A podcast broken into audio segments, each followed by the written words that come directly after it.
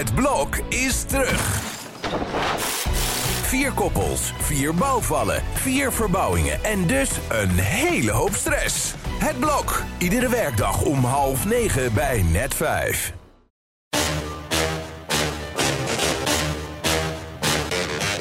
Dit is Trick Privé. De dagelijkse showbiz-update met Evert Zandgoeds en Jordi Versteegde. Wat zie je er in één keer uitgeslapen uit, Evert? Heb je dan vannacht eindelijk kunnen ik slapen? heb, nee, wat een onzin. Ik heb echt voortdurend goed kunnen slapen. Maar ik werd wel moe van dat iedereen het de hele dag erover... Oh, ben je nog op vrije voeten? En, en, en dat, eh, iedereen denkt dat hij die grap als eerste maakt. Maar dat, na de zevende op een dag Oh. heb je er wel weer even genoeg van. Maar goed, het is achter de rug. Gordon zou nog verdere stappen kunnen zetten. Maar ik neem toch aan dat hij dat gaat, niet gaat doen. Dat ga ik ook niet doen. Ik, mij is aangeraden om nu tegen aangifte te gaan doen. Hij heeft van mij beweerd dat hij the eh ten gronde is gericht, zowel financieel als, als mentaal. Nou, er is geen enkel bewijs voor aangeleverd. Sterker nog, hij staat gewoon uitgebreid zijn verjaardag te vieren. Hij met 30 gasten en een sterke kok. Hij reist over de wereld. Hij is op festivals, dus dat valt wel mee. Financieel ook niet. Als zijn geld eind van het jaar op is, dan eh, komt het niet door mij. Maar omdat vorig jaar, voor deze affaire, al duidelijk werd dat zijn contract met Talpa niet verlengd zou worden. Dus ik denk dat we gewoon maar weer eens eh, door moeten gaan. Ja. Maar ja, dan gaat ineens Patricia Pai zich er weer mee bemoeien. ja, die zegt van ja, het is ook wel een beetje lullig, voelt zij hè, met Gordon mee, dat je dan natrapt. Hè? Dat is eigenlijk samengevat wat zij zegt. Hoe kijk jij daarnaar, naar die reactie van Nee, dat het moeilijk is om je mond te houden, zegt Oh ze. Nou, daar heeft ze sowieso al problemen mee. Maar je bent toch ook zo gek als de woonwagen van Pipo. Als het nou eindelijk rustig is rondje en jij gaat dat weer helemaal op zitten rakelen. Dus, eh, maar goed. Nou, Ik goed. las ergens dat zij altijd boodschappengeld kreeg van Gordon. Dus misschien dat dat ermee te maken heeft. Mm, wisselgeld noemen ze dit dan. Ehm, nog even over Gordon. Hè? Want normaal gesproken is hij er dan als de kippen bij om zo'n uitgebreid statement van, wat is het, drie kantjes te publiceren via Yvonne Koldewijer. Maar hij is op dit moment gewoon heel erg stil. Eh, Nou, laten we hopen dat het zo blijft. Dan gaan we allemaal weer door en dan komen we elkaar wel weer een keer tegen. yes. Ja, nu hebben we het de hele week gehad over Thijs Reumer. Hè? Wel vervolgd eh, trouwens. Nou, rondom hem is het even stil. Maar rondom Peter Reumer in één keer niet. Wat is daar aan de hand? Nee, die heeft een bestseller geschreven. Die is in de huid van Baantje gekropen. Schrijft nu de nieuwe avonturen van de politieinspecteur in Amsterdam. Die door zijn vader tot eh, leven geroepen is in de serie Baantje. Ja. En Peter Reumer heeft eh, eh, Het kind van de rekening geschreven. Een titel waarvan je denkt, hé, hey, wat een toeval. maar hij staat gewoon op de eerste plek van de bestseller top 60. Die elke week eh, eh, bekendgemaakt wordt. Ja. En ja, dat, dat komt natuurlijk doordat Baantje een, een absoluut aanmerk is, in, in zoveel liefhebbers heeft. En de naam Reumer ook wel een aansprekende is. En dit is wel een leuke opsteker voor Peter Reumer. In een week dat hij eh, verder toch heel weinig te vieren heeft. Want hij ging destijds mee met Thijs naar de, naar de zitting. En dat vond ik wel te prijzen op zich. Maar ja, ik, ik kan me toch ook voorstellen dat de schaamte en eh, andere gevoelens om voorrang vechten. Ja. Omdat je hier wel heel erg mee zit als, als, als vader. En jij moest vanochtend in één keer denken aan een liedje wat heel lang geleden is uitgebracht, hè?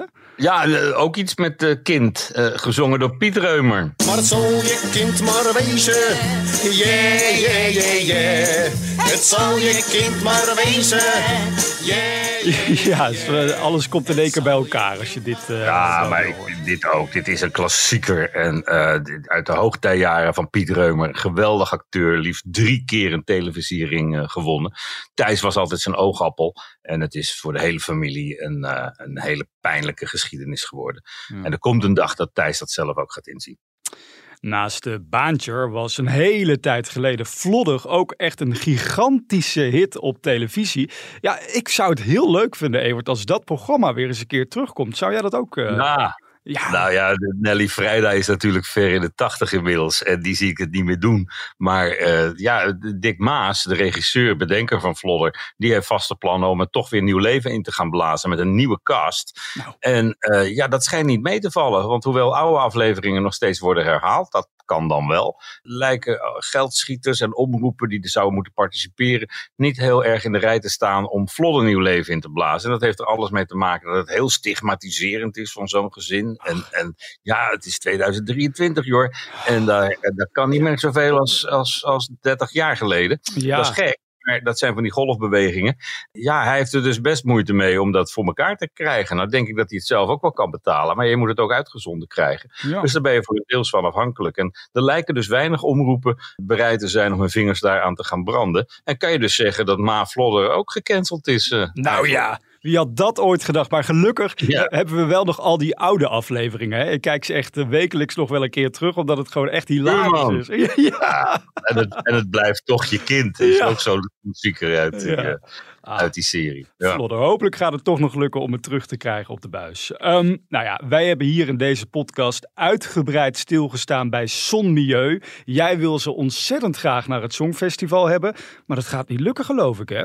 Nou ja, er blijken nu al contacten te zijn geweest, in ieder geval tussen Avro Tros en de groep, het management. Ja, En dat vond ik op zich wel nieuws toen ik dat gisteren hoorde in shownieuws. Want ja, ik roep het natuurlijk al heel lang dat dit een gedroomde kandidaat is voor Nederland voor het Songfestival. Maar er is inderdaad één probleem. De groep is te groot. nou, Ze hebben één lid te veel. Je mag met zes op het podium, niet met zeven. Ze zijn met zeven en willen daar niet van afwijken. Nou, zou ik zeggen, jongens, zorg dat je er onderling uitkomt. Dat er één eventjes een, pas, een stap terug doet. Je hebt straks Europa aan je voeten en dan komt die zevende er natuurlijk gewoon weer bij. ja. En dan ga je dat eh, succes van het Songfestival uitmelken. Ik zeg nogmaals, als uh, Multicolors, een grote hit, een, een, een Songfestival deelname was geweest, was dat een wereldhit geworden. Het is zo'n sterk nummer, zo Songfestival proof. Ja. En dat niet alleen, met, met, dat, dat had het zeker gewonnen. Ja, welke, welk bandlid moet dan thuis blijven, is dan de vraag. Hè? Dat Ja, dat, dat is heel, ik ga daar niemand aanwijzen. Maar als die, die groep zo hecht is, snap Ja. ik dat dat hartstikke moeilijk is.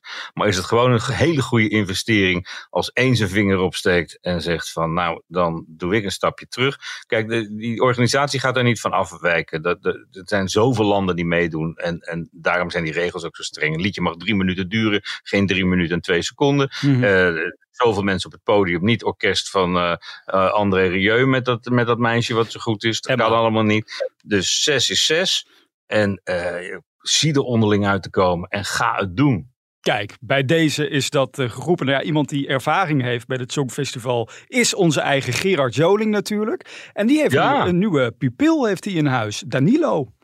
Danilo Kuiters. En daar is hij heel erg enthousiast over. Zit ook in zijn eigen managementgroep. En eh Gerard die zegt, ja, ik heb hem eigenlijk al jaren in de peiling. En ik wil hem wel de fijne kneepjes van het vak eh, bijbrengen.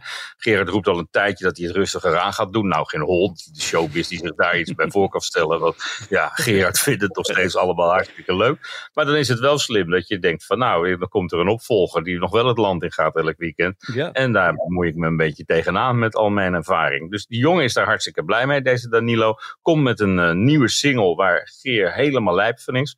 En eh, ja, wie weet eh, gaat het wat worden. Ik zou het me kunnen voorstellen. Hij ziet er goed uit, hij zingt goed. Ja. En als hij het juiste nummer heeft, dan hebben we er een ster bij in Nederland. Nou ja, jij zegt hij zingt goed. Laten we even luisteren naar Danilo dan tot slot. Zijn het je ogen? Is het je stem?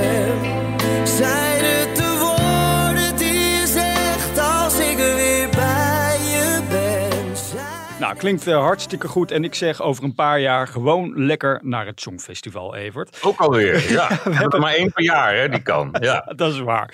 Nou goed, wij zijn er doorheen en eindigen dan altijd met onze eigen zomerhit. Maar niet voordat ik zeg dat het morgen weer vrijdag is. En dan mag je weer vragen stellen. Persconferentie. Ja, podcast.telegraaf.nl. De mailbox stroomt al vol, maar er kunnen nog vragen bij. Dus kom maar door en dan zeggen wij tot morgen. Tot morgen. De zon schijnt bij Evert Zantegoed met Jordi aan zijn zij, want het is zomer. Maar dat strikt privé.